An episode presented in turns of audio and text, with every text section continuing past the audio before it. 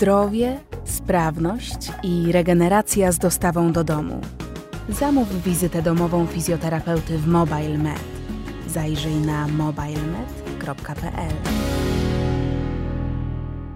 Cześć, witajcie w Zaprojektuj swoje życie. Dzisiejszym gościem jest Marek Wylon, człowiek, który od 25 lat tworzy gry komputerowe, mobilne. Za założył kilka firm, które to robią. Człowiek, który robi to z pasją.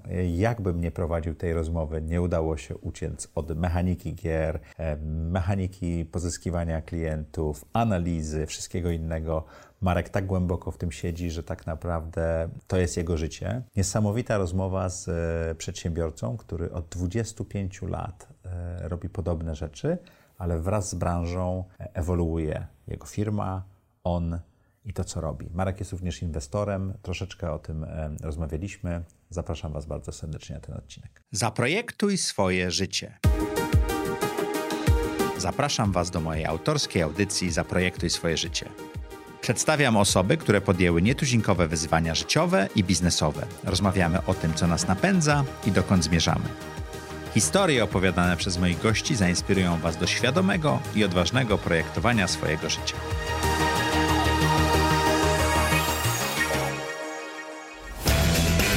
Najlepsze zmiany zaczynają się od wewnątrz. Stosuję tę zasadę w biznesie i życiu osobistym. Urządzając nowe studio, zadbałem o to, aby nasze wnętrze było estetyczne i praktyczne. Panele od Good for Wall zapewniają idealne wyciszenie podczas nagrań, cieszą oko i są łatwe w montażu. Sprawdzają się idealnie w studio, w biurze, jak i w domowym zaciszu.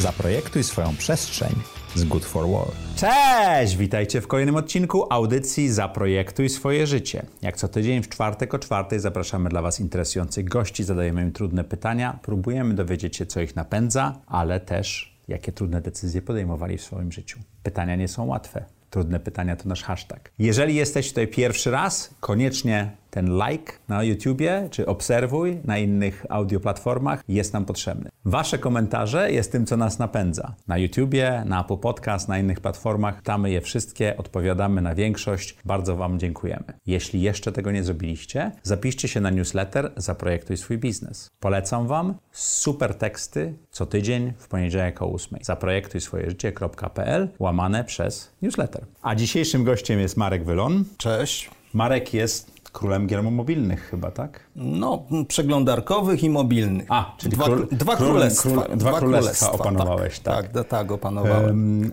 od dwóch dekad siedzisz w grach. No, I... dokładnie to od 25 lat, czyli od 1996. Okej, okay, czyli od ćwierć wieku siedzisz ćwierć w wieku, ćwierć wieku, dokładnie. I to nie chodzi o to, że ty sobie siedzisz i grasz, tylko je tworzysz. Dokładnie. I twoje, twoje firmy. I moje firmy. Mhm. Jak znalazłeś się w tej branży? Przez przypadek się znalazłem w tej branży. Zacząłem od, po studiach od tworzenia oprogramowania narzędziowego, po czym mm, gdzieś koło roku 96 mm, wpadliśmy na pomysł, że można by zrobić mm, grę typu RTS, czyli strategię mhm. czasu rzeczywistego. No internet jako taki wtedy nie istniał, więc nie wiedzieliśmy z jakim wyzwaniem się mamy zmierzyć. Myśleliśmy, że takie rzeczy robią zespoły 10-20 osobowe przez 9 miesięcy. Podjęliśmy wyzwanie, no i się udało. Tymczasem no, był to czas, kiedy takie produkty na zachodzie produkowały zespoły 40-50 osobowe przez okres dwóch lat. lat. Więc czyli, niewiedza, czyli niewiedza, niewiedza, służyła, niewiedza tak? nam bardzo służyła, bardzo nam pomogła, po prostu się udało. Pierwszy produkt okazał się olbrzymim sukcesem, e, bardzo dużo pieniążków zarobił, no i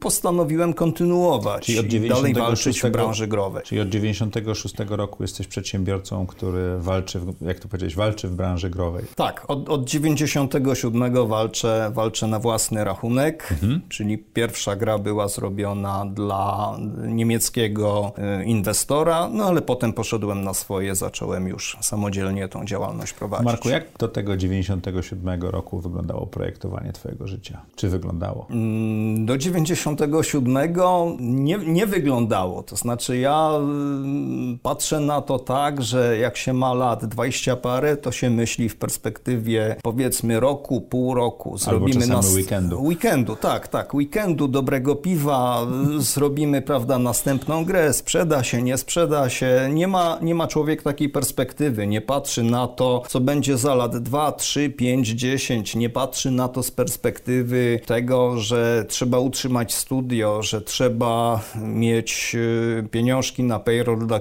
kilkudziesięciu albo kilkuset pracowników. To przychodzi z czasem, w momencie, kiedy biznes rośnie, kiedy, kiedy wszystko zaczyna się rozpędzać i zaczyna szybciej chodzić. Także wtedy nie było takiej perspektywy. Ona się pojawiała z czasem. Każdy rok, czy powiedzmy każda dekada, no to ta perspektywa wyglądała inaczej. Dzisiaj wygląda inaczej. 10 lat temu też wyglądała inaczej. Marku, a czy pamiętasz, jak zarobiłeś swoje pierwsze pieniądze w życiu? Wiesz, Maciej, no myślę, że pierwszego miliona się nigdy nie zapomina. Nie, nie zapomina mhm. Także oczywiście, że pamiętam. Jakbym się miał tym podzielić, powiedziałbym, że branża, w której ja działam, troszeczkę przypomina gorączkę złota. Jeden z moich kolegów to tak nazywa i mówi, że można być albo tym poszukiwaczem złota, albo można być producentem łopat. Ja Producenci łopat najlepiej zarabiają. Wyjaśnię o co chodzi. Y, więc y, producent łopat to jest taki, co dostarcza w tym wypadku jakieś technologie do gier, który buduje silniki, na których inne studia coś robią, ewentualnie,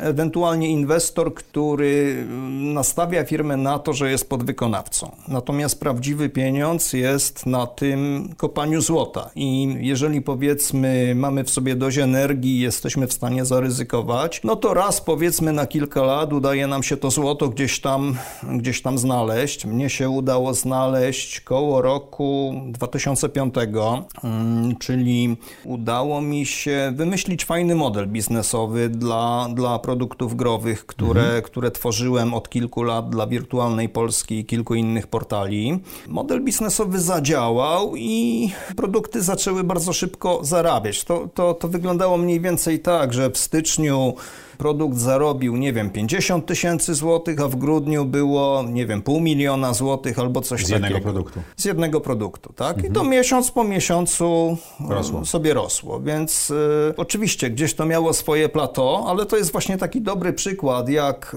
y, dobrze trafiona gra, produkt, który dobrze ulokujemy, potrafi się samemu wyskalować, czy potrafił się wtedy samemu wyskalować. Teraz ten biznes troszeczkę inaczej wygląda. No było to na pewno bardzo fajne doświadczenie doświadczenie. To która gra zarobiła Ci pierwszy milion? Poker. Poker. Poker, tak. Okay. Zawsze powtarzam, że jestem człowiekiem, który najprawdopodobniej najwięcej w tym kraju na pokerze zarobił. A ile zarobiłeś na pokerze? Mamy trudne pytania. Nie musisz na nie odpowiadać. No ale... No po, ponad 100 milionów. Okej, okay. czyli to była rzeczywiście rewelacyjna gra i, i super zadziałało. Tak. Jak nawiązałeś współpracę z takimi portalami jak Wirtualna Polska? Poczta pantoflowa. Czyli... Rok, rok 1999. To jeszcze zanim Orange kupił Wirtualną mm, Polskę. To był, to, był, to był moment, kiedy się to działo. Okay. To same początki Wirtualnej Polski. Wirtualna Polska wtedy zatrudniała około 20, może 30 osób. Czyli to nie była ta wielka Wirtualna nie, Polska, to, którą znamy to, teraz, tak? Tych internautów w Polsce było mało. Mhm. Ja przypominam, że rok 94 to internet polegał na tym, że się biegało z kajecikami gdzie się wpisywało adresy IP serwerów, żeby się gdzieś dostać, bo DNS-y jeszcze nie mhm. istniały. No dotarło do mnie pocztą pantoflową, że, że, że niejaki Maciej Grabski z Wirtualnej Polski szuka kogoś, kto przygotuje dla portalu mm, serię gier Wydawało im się, że, że to może zadziałać. Mhm. No znowu nie wiedzieliśmy za bardzo, y, z jakim wyzwaniem się to wiąże i jak w ogóle do tego podejść, bo była mowa o tym, żeby to były gry multiplayerowe. Nikt wtedy multiplayerów nie robił. Przeczytaliśmy parę dużych książek na temat Jeszcze tego. wtedy się czytało książki o tym, tak, prawda? Tak, książki się czytało. Tak, tak, pamiętam taką wielką bukwę, 800 stron, jak się nawiązuje połączenia socketowe i tam jakieś rzeczy takie robi serwerowe. Dzisiaj to się się dostaje, prawda, jako komponent, więc... To są te łopaty, o których To są te łopaty, tak. Dzisiaj sobie można takie coś za 20 dolarów kupić, wtedy to było wszystko undocumented, więc trzeba było przetworzyć taką wiedzę, przyswoić ją, no i... I jeszcze wdrożyć tak, żeby zadziałała. No, więc 9 miesięcy inwestycji w pisanie silnika, a potem co pół roku nowa, Nowa gra. gra. a potem co 3 miesiące nowa gra,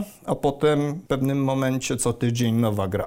No i do Mhm. Tym samym silniku. Na tym samym silniku, tak. Do, do 2005 udało nam się tych gier wyprodukować ponad, y, ponad Mhm. setkę. To był taki fajny czas, gdzie też y, właściwie to mogę chyba powiedzieć, że zostaliśmy jakimiś takimi liderami internacjonalizacji w tym segmencie growym i w ogóle takim technologicznym w Polsce, czyli w okolice 2005-2006 nagle się okazało, że większość naszego przychodu zaczyna pochodzić z zagranicy. Nagle się okazało, że nasze produkty funkcjonują w tym w messengerach Microsoftu, dzisiaj już oczywiście zapomnianych. Nagle się okazało, że razem z Yahoo projektujemy ich rozwiązania do, do, do, do gier y, przeglądarkowych. Pomagamy im stworzyć API dla, dla portalu Yahoo. Czyli byście totalnymi pionierami, a ten Tak. sukces w Polsce spowodował, że zaczęliście być widoczni za granicą. Tak, zarówno zaczęliśmy- dla zaczęliśmy być- portali, jak i dla klientów, znaczy graczy.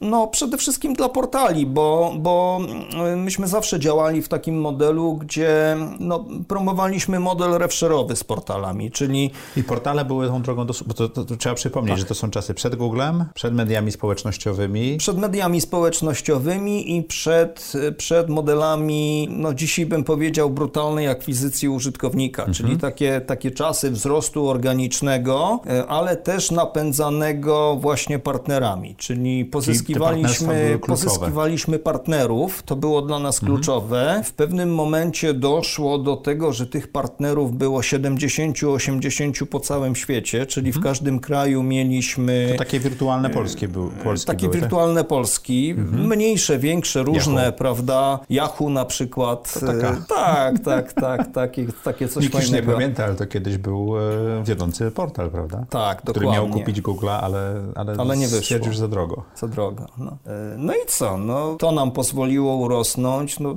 ja gdzieś jestem dumny z tego, że, że przez bazy naszego serwisu przewinęło się jakieś 150 do 200 milionów użytkowników. Także też fajne, fajne liczby. No i działamy dalej. Ten piękny wzrost i zdobywanie świata, tak? W, 2000, w 2003 roku nagle zwolniły, tak? Mieliście kryzys. Kryzys dość duży i finansowy, prawda? Tak. Opowiesz o tym trochę? Jasne. Kryzys. Kryzys się nazywał jakieś 18 miesięcy bez złotówki przychodu, czy dolara przychodu. Miałeś półtora roku bez... Półtora, półtora roku bez przychodu z zespołem. Z zespołem. Utrzymałeś zespół? Tak, tak utrzymałem Okej. zespół. No to ciekawa historia, bo w życiu bym nie uwierzył, że coś takiego się może wydarzyć. Mianowicie yy, spółka miała wtedy trzy nogi. Jedna, jedna noga produkowała gry dla portali. Wtedy to była jeszcze tylko wirtualna Polska. Nie mieliśmy jeszcze modelu biznesowego, więc, więc to biznes polegał na tym, że otrzymywaliśmy pieniądze za, za przygotowanie nowych produktów, a wirtualna Polska miała z tego dodatkowy ruch, no i mogła sprzedawać reklamy. Druga noga to były, by, by, była produkcja gier, gier PC-owych dla, dla fir, firmy szwedzkiej i trzecia noga produkcja komponentów, czyli tych łopat, o których mówiłem, też dla firmy szwedzkiej. Więc trzy niezależne nogi, które się nie znają, nigdy się nie zetknęły, nie zetknęły z sobą. I wszystkie trzy się E, I wywróciły. wszystkie w ciągu jednego tygodnia trzy telefony odebrałem. Niezależne. Niezależne, przepraszamy bardzo, ale nie możemy kontynuować, bo nam biznes nie idzie. A co się takiego działo w 2003 roku, że nie szedł biznes? No Google? co się w Szwecji działo, nie wiem, nie umiem powiedzieć. E, Co się działo w wirtualnej Polsce, no wiadomo, wszyscy wiemy, tak. I No tutaj zostawia, zostawiamy taką zostawiamy, pauzę, idziemy zostawiamy dalej. pauzę, tak, tak. Czyli twój tak. biznes nagle stracił, bo to... Zasilanie. E, Marzeniem przedsiębiorcy jest mieć więcej niż jedną nogę przechodową z, dla bezpieczeństwa. Dokładnie. I czułeś się bezpiecznie. Bezpiecznie. Czułem się bezpiecznie. No bo tak. jedna z nich może się wywrócić, zdarzy się, że dwie, ale trzy naraz to mało prawdopodobne. Nie, to się nie powinno zdarzyć. No I w ciągu to, tygodnia. w ciągu tygodnia. Czego to ciebie nauczyło? Poza tym, że trzeba mieć e, dużo gotówki na koncie, tak? Tak, poza tym, że trzeba mieć zawsze dużo gotówki i tam myśleć na zasadzie, co będzie za rok, albo co będzie, jak się jutro ten strumień pieniędzy utnie. Czyli już nie do imprezy do piątku. Nie impreza do piątku, tak? To jest właśnie ta, ta, ta zmiana perspektywy, spojrzenia na przyszłość i jakiegoś takiego projektowania życia. Co mnie to nauczyło? Mm, Przede wszystkim zmieniłem podejście do, do tego, kim są moi partnerzy. Czyli do 2003 e, podchodziłem do tematu tak, podpisałem umowę, na pewno wszystko będzie działać, będzie dobrze. 2003 zaczęła się dywersyfikacja, czy też powiedzmy 18 miesięcy minęło, zanim udało nam się wszystko w firmie tak poprzestawiać, żeby móc nasz serwis, my to nazywamy white labelowaniem, czyli rozpowszechniać po świecie, prawda? Czyli zaczęliśmy szukać partnerów w Izraelu, w Brazylii, yy, w Argentynie, prawda? To Yahoo w Stanach, Microsoft gdzieś tam, prawda? Czyli z e, w kryzysu, Stanach. ta ekspansja zrobiła się z kryzysu. Tak, dokładnie ona się zrobiła Z- z, z- z- kryzysu. z potrzeby. Z potrzeby, z braku, z braku pieniędzy yy, i mm, powiedzmy jej celem było doprowadzenie do sytuacji takiej, że jak sobie jakiś partner padnie, trudno. No, no, To jest ułamek biznesu. Tak? Ułamek biznesu poszedł, nie ma do widzenia, nie przejmować się, idziemy dalej. Potem żeśmy wprowadzili rozwiązania, które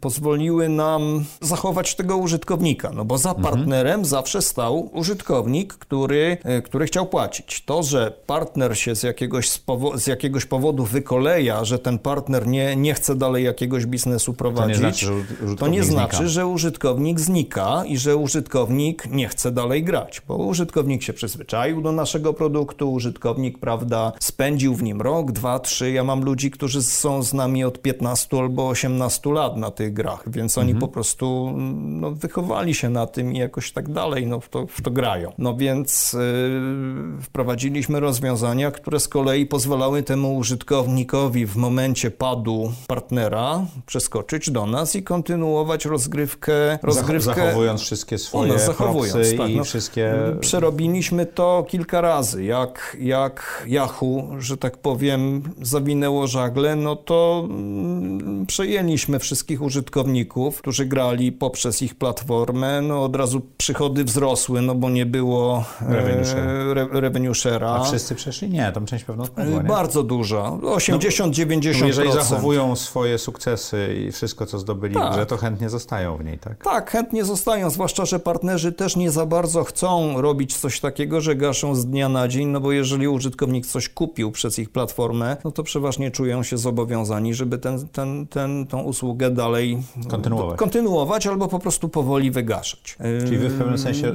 Półtory roku temu przejęliśmy na przykład bardzo dużą grupę graczy z Facebooka, która grała poprzez Facebooka w nasze Mhm. gry. Facebook wyłączył rozwiązania growe, y, przynajmniej te takie przeglądarkowe, flashowe i tak dalej. No to znowu żeśmy y, stworzyli technologię, czy, czy wykorzystaliśmy starą technologię, która pozwoliła nam tych graczy zachować. W tym roku, w styczniu czy w grudniu zeszłego roku, y, no, teoretycznie Flash przestał funkcjonować, Tak. prawda? A To, to, nie jest, to nie jest praktyczne? No, w- my mamy produkty flashowe, dalej ludzie grają. No co Okej. żeśmy stworzy, stworzyliśmy własną przeglądarkę z wbudowanym flashem, więc ludzie zamiast pobierać kilkudziesięciu gier, pobierają w tym momencie pojedynczą przeglądarkę i mogą sobie dalej w niej grać, co poskutkowało tym, że znowu bardzo duża ilość e, użytkowników z portali partnerskich, którzy, że tak powiem, nie chcą flasha, no zmigrowała do nas, więc znowu gdzieś ten przychód tam troszkę A podskoczył. na tej jednej przeglądarce mo mogą grać wiele waszych gier również, We prawda? wszystkie gry, we No wszystkie właśnie. nasze produkty mogą grać, więc jesteśmy znowu no,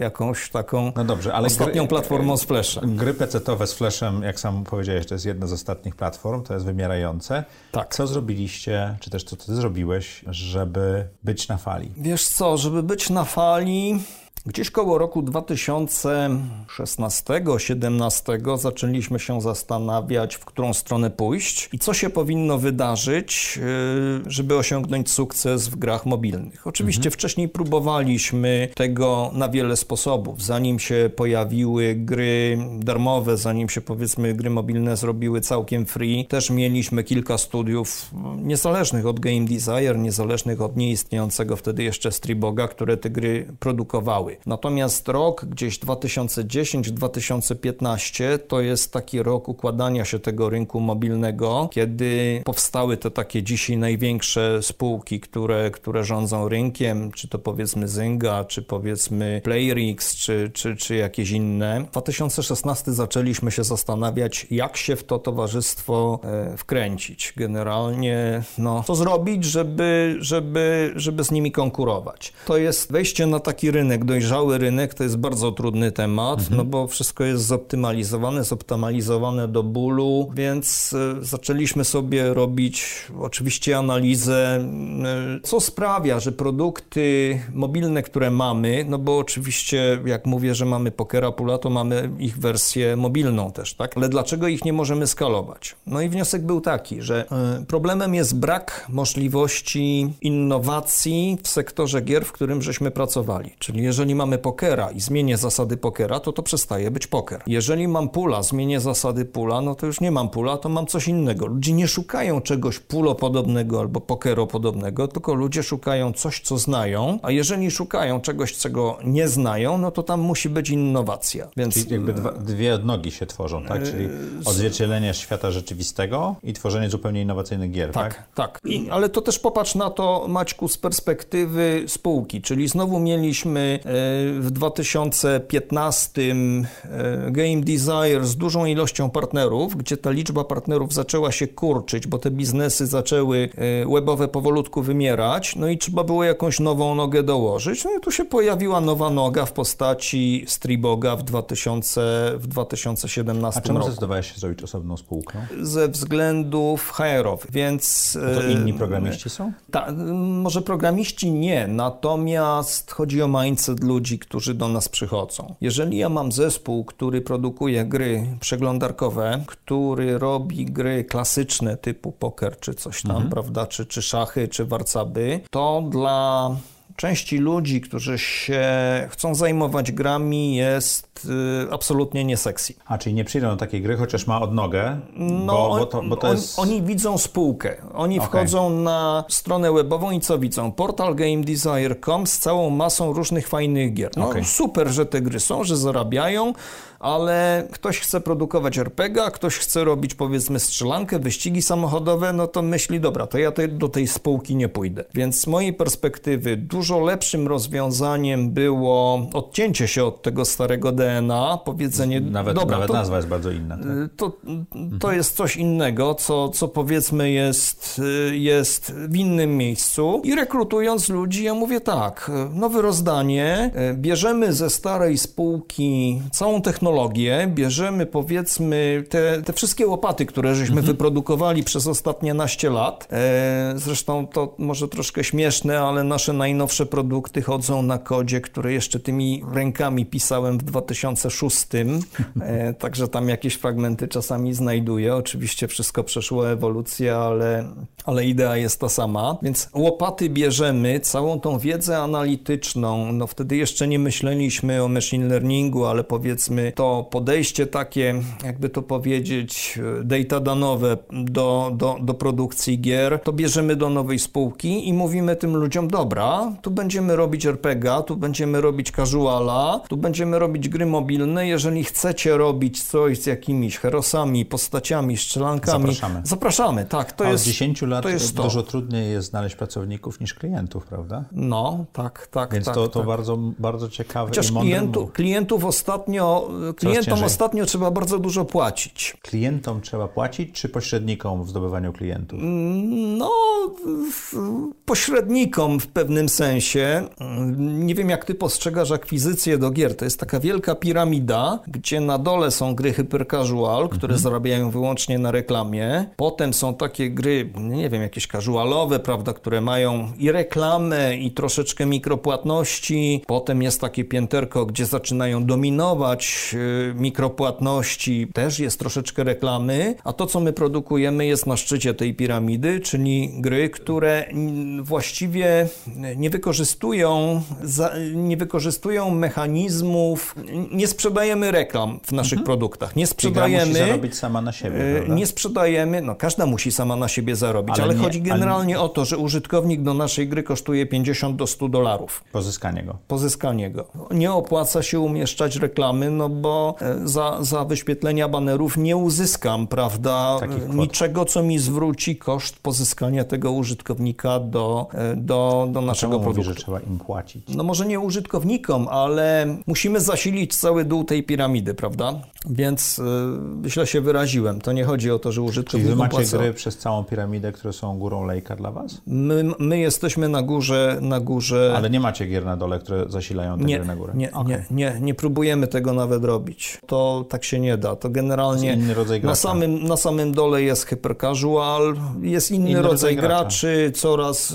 No i też powiedzmy ta, ten dół piramidy jest taki bardzo szeroki. No to są te miliardy graczy, prawda? Natomiast na samej górze są, są gracze, którzy najlepiej monetyzują, no i tam jest największa konkurencja o pozyskanie Byłem tych takim graczem kiedyś. Tak? No może tak. ja cię zaproszę, żebyś zagrał. Nie, nie, nie. nie. Wiesz, Ikariam było tym światem, w którym kiedyś bardzo okay. dużo spędzałem czasu. Właśnie w, w, w, tego typu grach, jak mówiłeś, flashowych, ale jak e, w cywilizacji e, zegar mi przeskoczył e, szóstą znaczącą cyfrę, Ojej. to stwierdziłem, że to jest ten moment, kiedy trzeba odinstalować te gry. Ostatnio próbowałem Factorio i stwierdziłem, że będzie taki sam skutek jak z, z cywilizacją, więc no to, wiesz ja co, nie gram. Ale my bon, mam, dobre, mam... dobre bonusy mamy dla początkujących graczy, tak co, coś, coś nie, nie. założysz grę, ja tam zadbam, żebyś miał Spoko. miękki i dobry start, Inwestowałem prawda? w spółki e, growe również i muszę no. powiedzieć, że zawsze jak dostawałem te bonusy, to potem musiałem po, po tygodniu odstawiać ten telefon, wiesz, wsadzać do kwasu i na nowo uczyć się. To prześlemy nowy. Tak, ja jestem jednym z tych graczy, który po 18 latach zostawi połowę swojego majątku u was. Nie gra, dlatego no, nie gra. właśnie o to chodzi, o to chodzi. Dlatego, jak widzisz, tutaj chodzi. stoją dwa Alienware'y chłodzone wodą, Rozumiem. niepodłączone jeszcze, czekają na, na ten moment, kiedy może przestanę nagrywać audycję i wtedy będę miał czas, aby zagrać. Okej. Okay. To jest alternatywa dla czasu, ja nie mam go tyle. Wracając do, do gier. Pozyskanie klienta, przepraszam, gracza, e, to jest 50 do 100 dolarów, tak? Tak. W obecnym środowisku. Jak zarabiacie? Bardzo trudne pytanie. Ja, no ja, model... ja, bym, ja bym chciał tutaj z innego punktu wyjść. Okay. Z punktu postrzegania gier i tego, jak ja, jak ja widzę cały rynek growy. Mamy powiedzmy gry, że tak powiem, pecetowe, które przeważnie bazują na bardzo dobrym pomyśle. Ktoś ma super pomysł, realizuje jakiś zwiastun, z tym zwiastunem idzie na platformę Steam, pokazuje go, jest wish, wish lista, prawda? Ludzie się zapisują, potem kupują produkt już. Więc tutaj dochodzi do sytuacji takiej, że... Chociaż e, Factorio złamało ten model, prawda? Proszę? Factorio złamało ten model, bo oni najpierw mieli y, przed betę, wszyscy sobie grali i dopiero potem weszli w sprzedaż. No tak, ale generalnie ale to, to, to, jest, to jest taki model, że testujemy, testujemy zwiastun, tak. a nie, nie testujemy, bardzo często nie ma produktu, y, zanim wiemy, czy to mhm. zadziała, czy nie. No myśmy prób, próbowali coś z tego u nas wykorzystać, model. ale to u nas troszeczkę inaczej działa, e, więc pecety to jest e, koncentracja na, na fajnym pomyśle, no i potem oczywiście bardzo często idzie za tym e, duży trud realizacji tego. No mamy teamy, nie wiem, pięcioosobowe, gdzie nie ma czegoś takiego jak zarządzanie na przykład zespołem, albo mhm. jest to bardzo proste. Mamy, prawda, CD Projekt, gdzie, gdzie jest tysiąc osób albo więcej, jeszcze nie wiem, w tym momencie i, i mm, ciężar się przesuwa w troszkę inną stronę, mhm. dobrego scenariusza, dobrej technologii, bo robią własne silniki, silnik, dobrego zarządzania zespołem, żeby to wszystko efektywnie i szybko powstało. Y, natomiast gry mobilne to jest matematyka dzisiaj. To jest technologia i to jest y, bardzo dużo prac nad analityką, nad rozumieniem gracza. Więc jak my tworzymy nowy produkt, zaczynamy oczywiście też od testowania pomysłu, czyli gier mobilnych nie robi się w ten sposób, że trzy lata piszemy, a potem może się uda, może się nie uda. No to, to, te czasy minęły. Te czasy minęły. Testujemy pomysł, robiąc akwizycję, tak jak w wypadku e, Steama, do nieistniejącego produktu. Mamy fejkowy sklep, na przykład App Store'a, który mhm. wygląda dla użytkownika identycznie jak App Store i on tam ma film z tego, z tego produktu, ma narysowane postacie e, i robimy analizę. Patrzymy, jaka jest oglądalność filmu, do której sekundy ludzie dotrwali, ile tego wirtualnego, nieprawdziwego sklepu przewinęli, ile tekstu przeczytali, ile osób kliknęło, prawda, w, w, w ściągnij grę. Nawet nie kup, no bo nie kupuje, tylko ściąga. To jest proces, który trwa parę miesięcy. Dochodzimy do jakiegoś settingu, który chcemy realizować. To oczywiście wszystko musi być bardzo mocno połączone z analizą rynku, analizą konkurencji, jakąś analizą forów, na przykład konkurencji, yy, sprawdzaniem, co w ciągu ostatnich trzech lat konkurencja w którym momencie wyprodukowała i jaki był odzew na forum. Również jeżeli mamy dane analityczne przychodowe konkurencji, no to możemy sobie zmierzyć wpływ funkcjonalności poszczególnych jakichś tam trybów gry na monetyzację w konkurencji i w ten sposób rozpoczyna się produkcja tego, tego projektu. To trwa około roku, może do dwóch lat, tak jak w wypadku na przykład naszej naj, najnowszej gry e, Gemstone Legends. No i przechodzimy do, do tego, co jest najbardziej sexy, czyli do, do kopania danych. Zaczynamy kupować użytkowników. I, i... Najbardziej sexy w grach nie jest kreacja, nie jest pisanie dla kodu. Mnie, dla tylko... mnie to są dane. No, dla I zrozumienie, są... jak, jak działa użytkownik i, i gra. Tak, zrozumienie, jak działa użytkownik, zrozumienie, jak działa gra, ale też doprowadzenie do tego, żeby ten użytkownik dostawał dokładnie to, co sobie życzy i dokładnie w tym momencie, co sobie życzy. Y, gra mobilna tego typu, jak my produkujemy, to jest produkt, który ma za sobą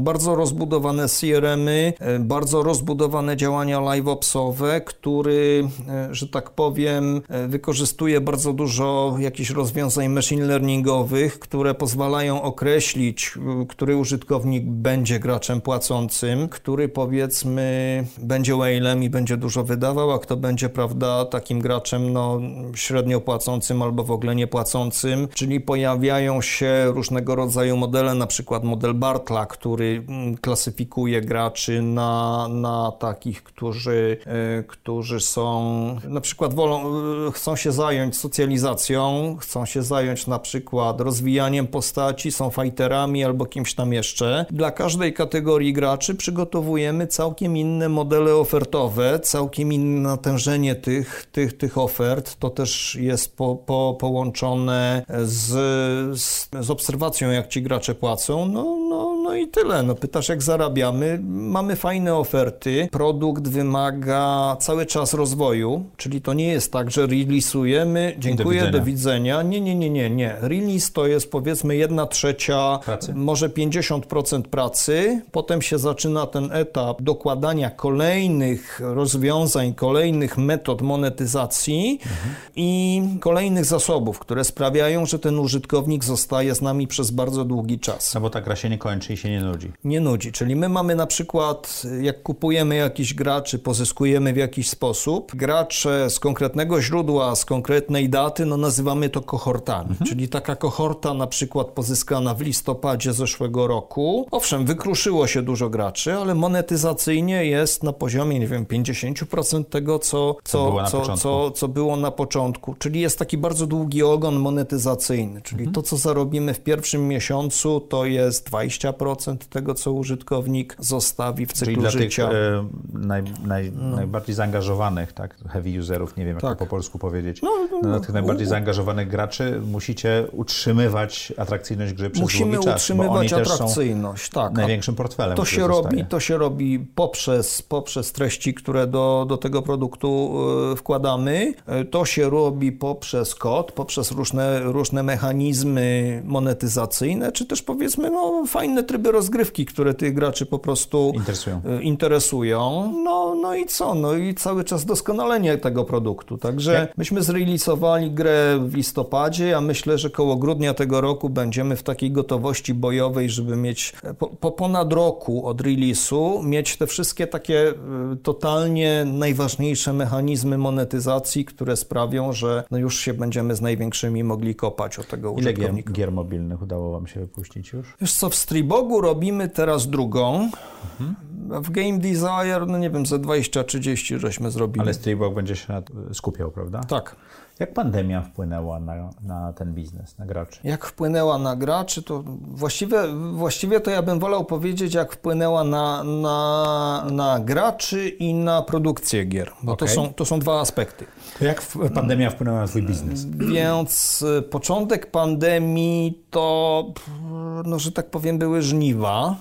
Ludzie zostali w domu, ludzie grali, wróciły jakieś dobre czasy. Nawet stare produkty Ożyły. ożyły, zaczęły się dużo szybciej kręcić, więc z perspektywy mm, liczby użytkowników to, to, to był bardzo dobry czas. Natomiast ta perspektywa produkcyjna wydaje mi się, że, że, że czas wracać, że czas wracać do, do biura, bo ciężko jest, ciężko jest niesamowicie zarządzać zespołami, które są, które są na Zoomie. Czyli rozproszenie zespołów, jak robisz kreację gier, jest trudne do e, zarządzania. No I- Maciej, i ja, ja, się zawsze, ja się zawsze śmieję, że No. każde moje spotkanie z, przypomina wywoływanie duchów. Jesteś, jesteś, słyszysz? Nie, nie słyszę. Wi- Tak, Widzisz? Nie, nie widzę. Tak, nie ma, nie działa, macie. Moja kamera działa, prawda? Nie, nie działa, nie? Coś, co, co kiedyś było proste. Siedzimy w sali konferencyjnej, rozmawiamy, prawda? Trzeba coś załatwić, przejść w inną część biura. To zajmowało minuty, tak? 5 Mhm. minut, 10 minut. W godzinę można było zrobić tych spotkań dużo. To w tym momencie na Zoomie, no to, to, to są sloty 15-minutowe, tak? Mhm. Ktoś, ktoś, owszem, jest, ale, ale jest w domu, je obiad. Y, Albo z psem poszedł na spacer, bo przecież on odrobi wieczorem. No, no nie chodzi o to, że, że podchodzi jakoś nieuczciwie, bo tego nikomu nie zarzucam, ale ludziom się rozciągnął czas pracy na znacząco. całą dobę. Znacząco. Więc... y, Ale też wybierają momenty, kiedy pracują, prawda? tak, ale jeżeli ja na przykład jako menedżer muszę ich, m- muszę pewne rzeczy zsynchronizować, doprowadzić do tego, żeby, żeby no, e, w odpowiednich miejscach nacisnąć i odpowiednie efekty uzyskać, a ktoś akurat jest na spacerze z psem, e, no, no jest ciężko. Tak? A Czyli, synchroniczna komunikacja nie działa? e, no, no, no działa, oczywiście, że działa, natomiast jak jest tych osób kilkadziesiąt, to, to zaczyna być trudniej. Okej.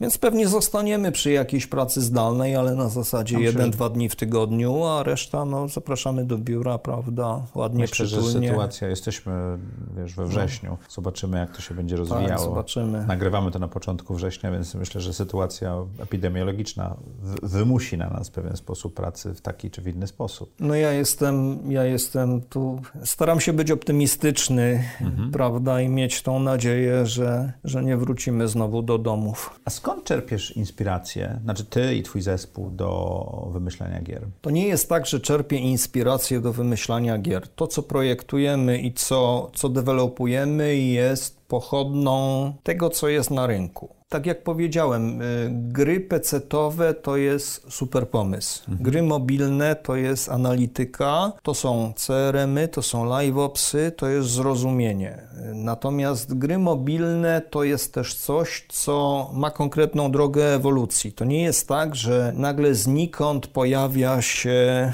e, jakaś całkiem nowa kategoria gier, że jej nie było, ona jest. Takie, takie zwroty technologiczne, y, że się pojawia jakaś nowa mechanika, wiążą się zazwyczaj z jakimś zwrotem technologicznym po stronie platformy, prawda? Przed iPhone naście lat temu pojawiło się swajpowanie po ekranie, pojawiła się cała grupa w ciągu 5-6 lat różnych mechanik growych, natomiast potem te mechaniki przestały się pojawiać, czyli my śledzimy ewolucję gier konkurencji, wypatrujemy jakieś nisze, które się zaczynają rozwijać, Okej. które się zaczynają tworzyć, musimy analizować ten rynek, patrzeć, które, e, które segmenty zaczynają rosnąć i starać się e, wejść w te segmenty. E, przykładowo, gry typu merch zaczęły się pojawiać jakieś 4-5 lat temu. Ostatnie dwa lata no to jest wielki boom tego typu gier, mechanik wokół, wokół merge'a yy, zbudowanych. No w obecnych produktach tego nie wykorzystujemy, natomiast no już mamy następną niszę, która, która już rośnie. Pierwsze produkty, które w tej niszy zarabiają ten milion, dwa miliony dolarów miesięcznie. No i teraz będziemy wokół tej niszy próbować coś większego zbudować. Tak, żeby... Dla tych, co nie grają, co to są gry merch? Proszę? Dla tych, co nie grają, co to, to są, są gry merch? To są takie gry, gdzie, gdzie mamy na przykład trzy słoneczka, jak się je złączy, to tak. się robi większe słoneczko. To się od Candy Crush chyba zaczęło. No, Candy Crush to, to, to, to, to, to, to była gra, gdzie to wszystko gdzieś tam odlatuje i znika. Tutaj mhm. jest taka nowa mechanika, która polega na kolapsie. Czyli Więc to, troszeczkę idziemy, idziemy my, my generalnie idziemy bardziej za, z, na, nastawiamy się na to, żeby analizować rynek, wypatrywać wzrostowe nisze i starać się pewne mechaniki wprowadzić do, do, do naszych produktów. Przykładowo Gemstone jest pochodną tego, co się działo na rynku 4 lata temu, czy tam 3 lata temu. Mhm. Powstały takie produkty jak Legendary, jak Empire and Puzzle, jak na przykład Summoner Wars, różne korowe mechaniki, różne mechaniki metagry. Poskładaliśmy, rozbudowaliśmy, wzięliśmy troszkę mechanik połączeń i wyprodukowaliśmy grę, która idealnie pasuje graczom, którzy już przeszli przez gry konkurencji. Dzisiaj, czyli, czyli dużo no, mniej sztuki i tworzenia, dużo więcej obserwowania konkurencji i takiej twardej analizy biznesowej. Bardzo, bardzo twardej analizy biznesowej, ale też bardzo twardej takiej analizy tego gracza, jego zachowań i podążania za tym, co on chce w tej grze zrobić. Czyli śledzenia różnego rodzaju, rodzaju funeli, odpadalności gracza, śledzenia zachowań e, w każdej nowej funkcjonalności. Wprowadzamy jakąś funkcjonalność w ciągu ciągu dwóch, trzech tygodni przygotowujemy pełny, pełny set analityczny, który nam mówi, jak użytkownicy tą funkcjonalność wykorzystują, ile tam e, wydają pieniędzy, jakie są konwersje poszczególnych walut, ile czasu spędzają w tej funkcjonal funkcjonalności i tak dalej, i tak dalej. Jak mamy tą analizę, zaczynamy w tym module grzebać, poprawiać, kręcić śrubkami, aż wykręcimy no, układ taki, że, że, że ci użytkownicy jedno, że to lubią, drugie, no, że, że, że chcą nam zapłacić za to, że, że to lubią. Spróbuję wyjść ze świata gier, nie wiem, czy to się uda. Bardzo chętnie. Na czym obecnie koncentrujesz swoje działania przedsiębiorcze? Yy, Bo wiesz, to nie są twoje jedyne firmy. Nie, prawda? no nie są, oczywiście, że nie są. To znaczy, Ale być może... sercem, sercem duchem jestem przy, przy, przy Game Desire i przy e, Stribogu i mhm. operacyjnie prowadzę te dwie spółki, mhm. ale poza tym... Ile czasu ci to zajmuje? Operacyjnie? Operacyjnie 8-10 godzin dziennie. Czyli taki pełen etat. Taki pełen etat, tak. Czyli poza tym jeszcze y, masz działania przedsiębiorcze? Tak, jeszcze mam, jeszcze mam. Y, poza tym, poza tym no inwestuję w inne spółki growe, tylko staram się, żeby to nie były podmioty konkurencyjne, czyli nie inwestuję w spółki mobilne, inwestuję w spółki produkujące gry, gry y, pecetowe, no i inwestuję w różne fundusze technologiczne, które, które idą w kierunku machine learningu, w kierunku fintechu, e, no takie fajne czyli rzeczy. robisz tą rzecz, którą ja wszystkim radzę, jak inwestują, czyli inwestujesz blisko swojej wiedzy i kompetencji. Znaczy ja jestem, wiesz, z wykształcenia informatykiem, a powiedzmy z zamiłowania jestem człowiekiem, który kocha grzebać w danych i wyciągać, wyciągać jakieś relacje między tymi danymi, więc no jak widzę gdzieś jakąś spółkę, która coś fajnego robi z machine learningiem, to, to chcę mieć tam udziały, prawda? Ale dlatego, że... Jest to bliskie mojemu sercu. A portfelowi? No ale Bo wiesz, portfel, inwestowanie portfel... sercem, ja z inwestowania sercem straciłem parę milionów złotych, także... No ja też, ale generalnie na końcu rachunek jest dodatni. No. To prawda. No, znaczy, staram się trzymać z daleka od rzeczy, których nie rozumiem, więc nie chcę być ekspertem od budowlanki, nic do niej nie mam. Mo, może to być fajne, ale nie znam się na tym. Dobrze, tak? to podpytamy Cię szczegółowo o to, jak inwestujesz w tym odcinku Zaprojektuj swój biznes, który idzie dla społeczności naszej, e, Dobrze. żeby dowiedzieć się o właśnie Twoją metodologię inwestowania. Ale masz swój fundusz inwestycyjny, wehikuł inwestycyjny, bo postanowiłeś to robić też troszeczkę bardziej zorganizowanie. Czy ktoś e, oprócz Ciebie podejmuje decyzje inwestycyjne? Masz to tak zorganizowane? To jest, to jest taki family boutique, także Mhm. razem z bratem inwestujemy. Czyli podejmujecie decyzje razem, Tak, tak? tak. Jak widzisz siebie i, i ten rozwój e, gamingu przez najbliższe lata? Czy to jest coś, co chciałbyś kontynuować, czy chciałbyś, żeby ta spółka na tyle się rozwinęła, żebyś mógł- mógł robić coś nowego? No wiesz co, ja myślę, że najbliższe parę lat na pewno to będę, na pewno to będę kontynuował. To znaczy jesteśmy w takim fantastycznym momencie, gdzie jest to mega sexy, prawda? Zbliżamy się do tego momentu, kiedy produkt będzie w pełni skończony. Jedziemy na tą wyprawę, prawda, z tymi łopatami, żeby to złoto zacząć kopać. Więc za chwilę powiedzmy z produktem, z gotowym produktem wejdziemy na rynek. Produkt, że tak powiem, przypomina mi e, początki Game Desire, tak? Czyli w styczniu, prawda, gra zarabiała zero, e, w lutym kilkadziesiąt tysięcy, dzisiaj się zbliżamy do miliona miesięcznie.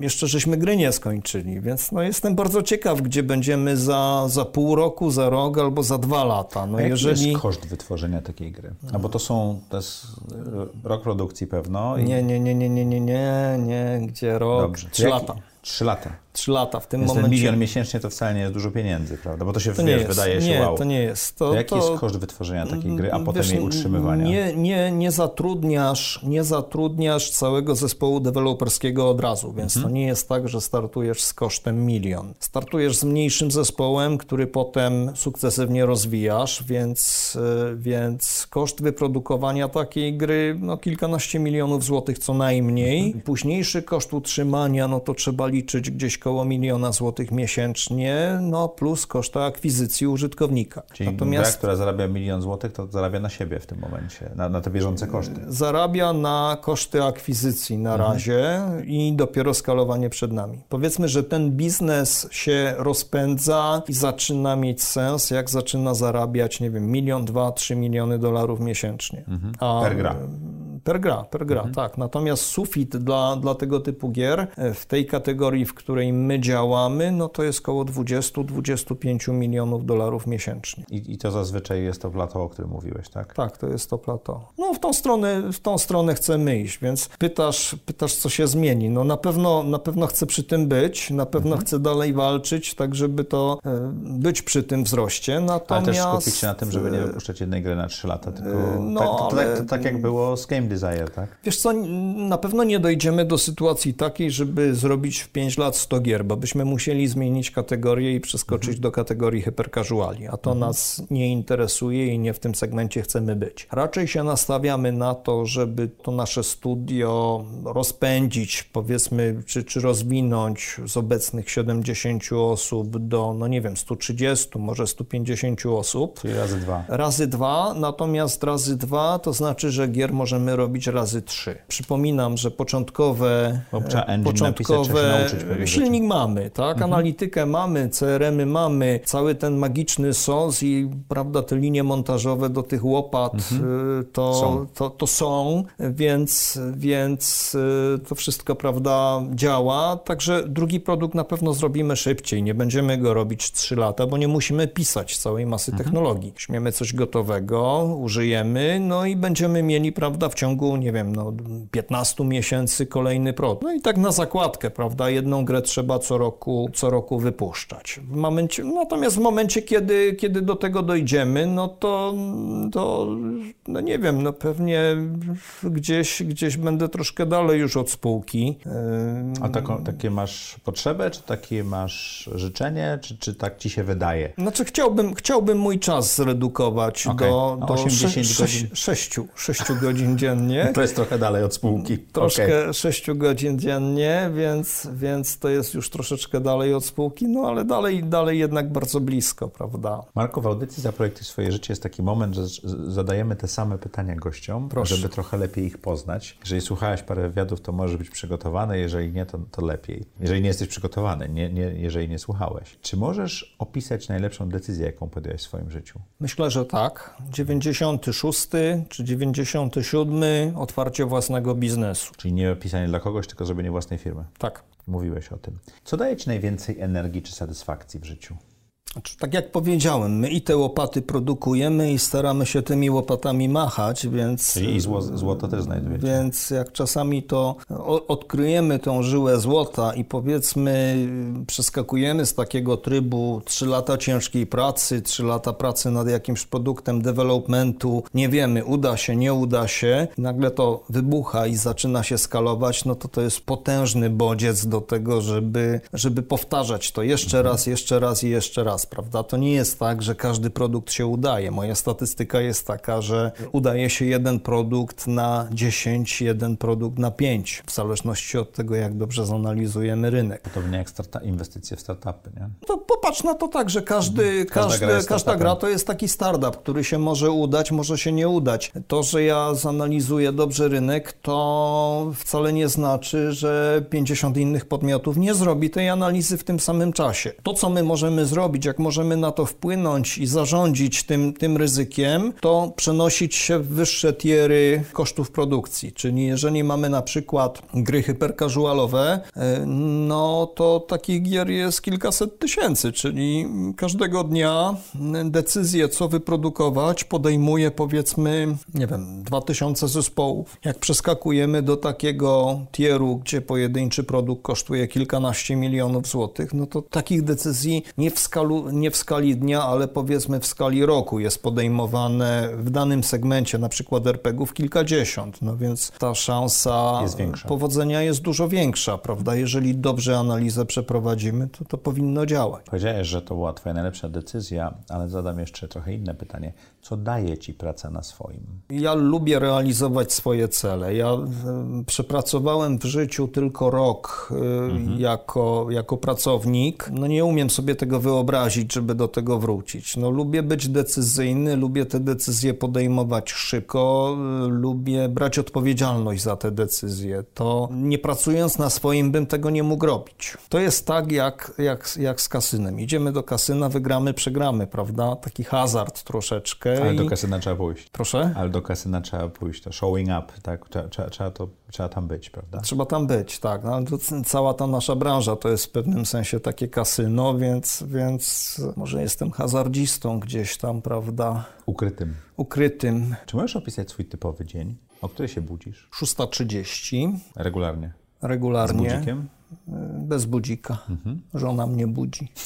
Okej. Okay. 6.30, szybka kąpiel, śniadanko, dzieci trzeba zawieźć do szkoły, ósma jestem w pracy, godzina druga, trzecia, dzieci trzeba odebrać ze szkoły, ty zawozisz i odbierasz? Mm, przeważnie, okay. tak, tak, tak. Jestem w domu z powrotem koło godziny, nie wiem, trzeciej, czwartej, także robi się takie okienko półtora godzinne, prawda, gdzie sobie troszkę odpocznę. E, no i co, no z powrotem do komputera. Ale w domu już? W domu, tak, mhm. jakaś seria takich, no, późnych spotkań popołudniowych, seria zwykle jakichś koli z, z partnerami z innych krajów. Głównie produkujemy na rynek amerykański, na, na rynki, prawda, tier 1, więc mamy Czyli bardzo... wieczorne kole to normalna tak, rzecz, tak, tak? Tak, tak, jak najbardziej normalna rzecz. Tam duża część, właściwie większość naszego przychodu w nowych produktach stamtąd pochodzi. Mhm. Także, także no, trzeba w tych godzinach wieczornych po prostu być dostępnym. O której kończysz dzień? Koło 10, 11. A o której kończysz pracę? 8, 9. I zostawiasz sobie czas? Bardzo różnie, wiesz, zawsze mhm. trochę czasu mam, tak żeby, no nie wiem, no, obejrzeć serial, pobiegać, mhm. pojeździć na rowerze. Powiedzmy, że traktuję czas po godzinie 16 jako taki czas no, nie ciągłej pracy, tylko taki czas, gdzie, gdzie no, muszę być przygotowany, że na przykład o 21 jakiegoś kola będę miał, no i trzeba do tego komputera siąść, a winko na potem zostawić. Ale przedtem też zrobić inne rzeczy. Tak, tak, jak A sportu najbardziej. uprawiasz regularnie? Wiesz co, no teraz w pandemii to ciężko, ale Mhm. to ja pracuję generalnie w domu na siłowni. Okej. Czyli rowerki, orbiteki, takie rzeczy. I laptop przed tobą? Laptop przede mną. Czy jest coś, co mógłbyś przestać teraz robić, co poprawiłoby twoje samopoczucie lub spowodowało twój rozwój?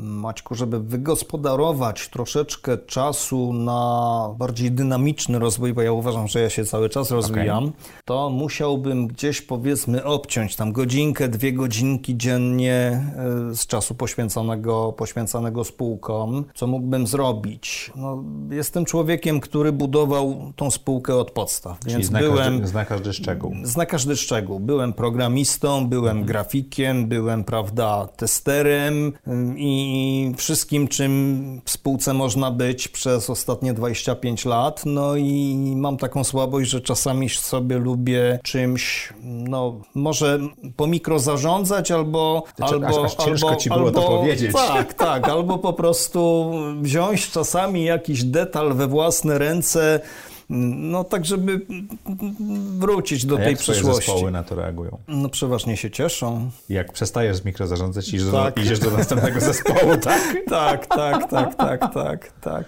Więc, więc no... Ale to wynika z twojej e, pasji do produktu, czy z pasji do, do zrozumienia procesów? To jest pasja do zrozumienia procesów. Okej. Albo, ale to też jest to, że jestem w stanie, mm, znając całą firmę, znając procesy sprzed lat, znając zasady działania innych działów, jestem w stanie czasami coś nowego do, do, do konkretnego działu dorzucić, o czym oni nie pomyśleli. No po prostu jestem taką osobą, która jest wszędzie, dużo czasu na to poświęca, żeby rozumieć każdy as- aspekt działania firmy i jestem w stanie no, im pomóc. No, czy się cieszą, czy nie? Y, Wątpię, żeby się cieszyli, bo zwykle mają więcej roboty. Jak, jak y, zajmę się analityką, to zaraz im coś nowego, fajnego wymyślę, co by można zaimplementować. Potem się to przydaje, potem się cała reszta firmy, firmy cieszy, ale no dwa miesiące ciężkiej pracy jest, bo Marek przyszedł, Marek wymyślił. No, no jest to cool, ale może by się dało obejść bez No to, tego. było, to byłby, to, to, to, ta, ta rzecz, którą miałbyś zostawić, to byłoby chyba ważne w tym procesie, o którym mówiłeś, że chcesz być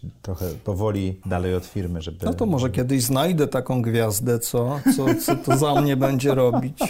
To jest bardzo trudne No. dla przedsiębiorców, którzy budowali swoje firmy, z tego co wiem.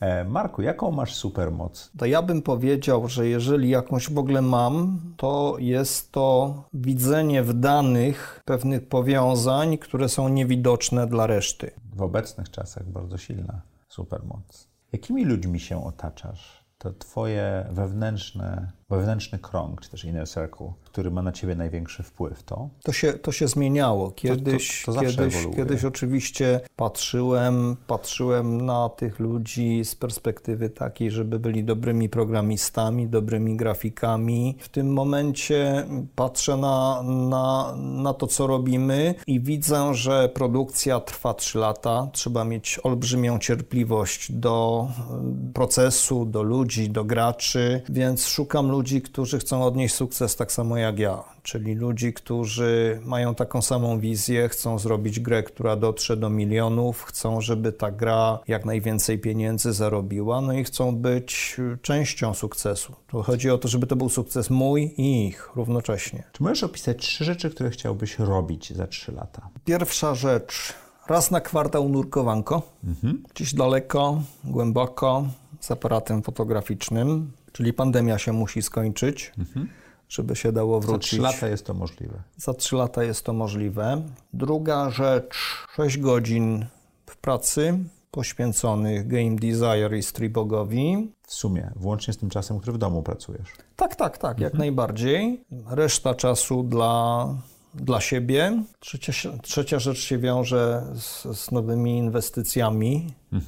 Czyli chciałbym, chciałbym pracować zdalnie, mobilnie z mobilnego biura w postaci kampera. Okej. Inwestujesz w firmę robiącą kampery? Inwestuję. A miało być wszystko blisko tego, co, co, co, co, na czym się znasz i robisz. Patrzcie, wychodzi szydło z worka, dopytamy więcej w Zaprojektuj swój biznes. Dobrze. E, Czego nauczyła Ciebie pandemia? Czego mnie nauczyła pandemia? Nauczyła mnie pracować z domu. Nie wiem, czy to dobrze, czy to źle, dlatego że jak mamy, prawda, ułożony ten czas, jak jedziemy na ósmą, wychodzimy o piątej, to jesteśmy w tej pracy, nie wiem, 8-9 godzin, Wychodzimy potem jest spokój. A tu trzeba się nauczyć zarządzać tym czasem i zarządzać, czy powiedzmy wyrwać z tego czasu pracy coś dla rodziny, coś dla siebie, coś na rower, coś powiedzmy na jakieś inne rzeczy i to wszystko jakoś całkiem inaczej poukładać. Więc y, to zarządzanie czasem, także gdzieś, gdzieś powiedzmy, wydaje mi się, że tutaj dużo z tego wyniosłem. Co mnie więcej nauczyła? No, obsługi Zooma i wszystkich messengerów do perfekcji, to wiadomo. I kilku innych programów do Tak. łączenia się. Też powiedzmy zmieniła jakąś moją perspektywę na ludzi, czyli jakiś czas temu to był pracownik, prawda, który przychodził, wychodził. Widzieliśmy się w godzinach pracy. A teraz jesteś A teraz- w domu prak- praktycznie. tak? Teraz to jest tak, że ten pracownik ma, e, okazuje się, psa, klei modele samolotów albo czołgów, coś o nim więcej wiem, o jednym, o drugim, o trzecim, prawda? E, Gdzieś w pewnym momencie zaczynamy widzieć, że ci ludzie mają jakieś takie życie, którego po prostu jak jesteśmy w tym biurze zebrani w kilkadziesiąt osób nie widzimy. No więc... bo oni je zostawiali za, za drzwiami. Więc jakoś, jakoś te drzwi się troszeczkę otworzyły i inaczej patrzymy na, Mhm. na, na ludzi, z którymi pracujemy. Wydaje mi się, że, że stajemy się tacy bardziej tolerancyjni dla, dlatego, że ktoś, prawda, musi dziecko tam wziąć w środku dnia, odebrać z przedszkola czy coś takiego. No dawniej to, to było dziwne. Wszyscy do tego podchodzili tak, że są w pracy, nie mogą. A teraz Mogą. mogą. Ja myślę, że te modele społeczne na tyle się zmieniły przez pandemię, że nie Ja wrócimy też, do ja starych, też mogę wyjść o godzinie drugiej, jechać po dzieci, odebrać ze szkoły. a potem pracować. Dwa lata temu to było niemożliwe. No, nikt sobie nie umiał wyobrazić, że w środku dnia można prawda, wyjść, zrobić przerwę. Na... Także inny model.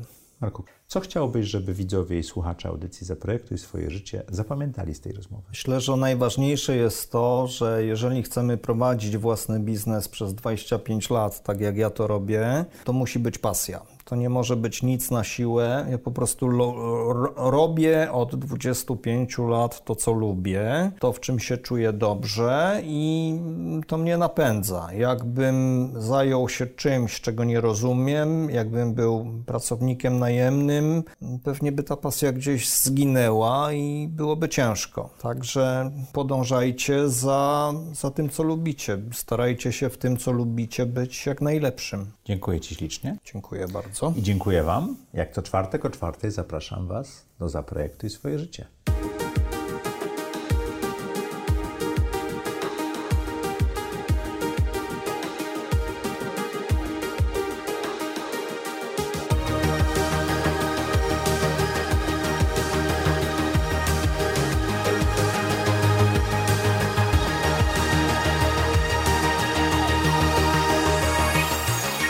Zaprojektuj swoje życie.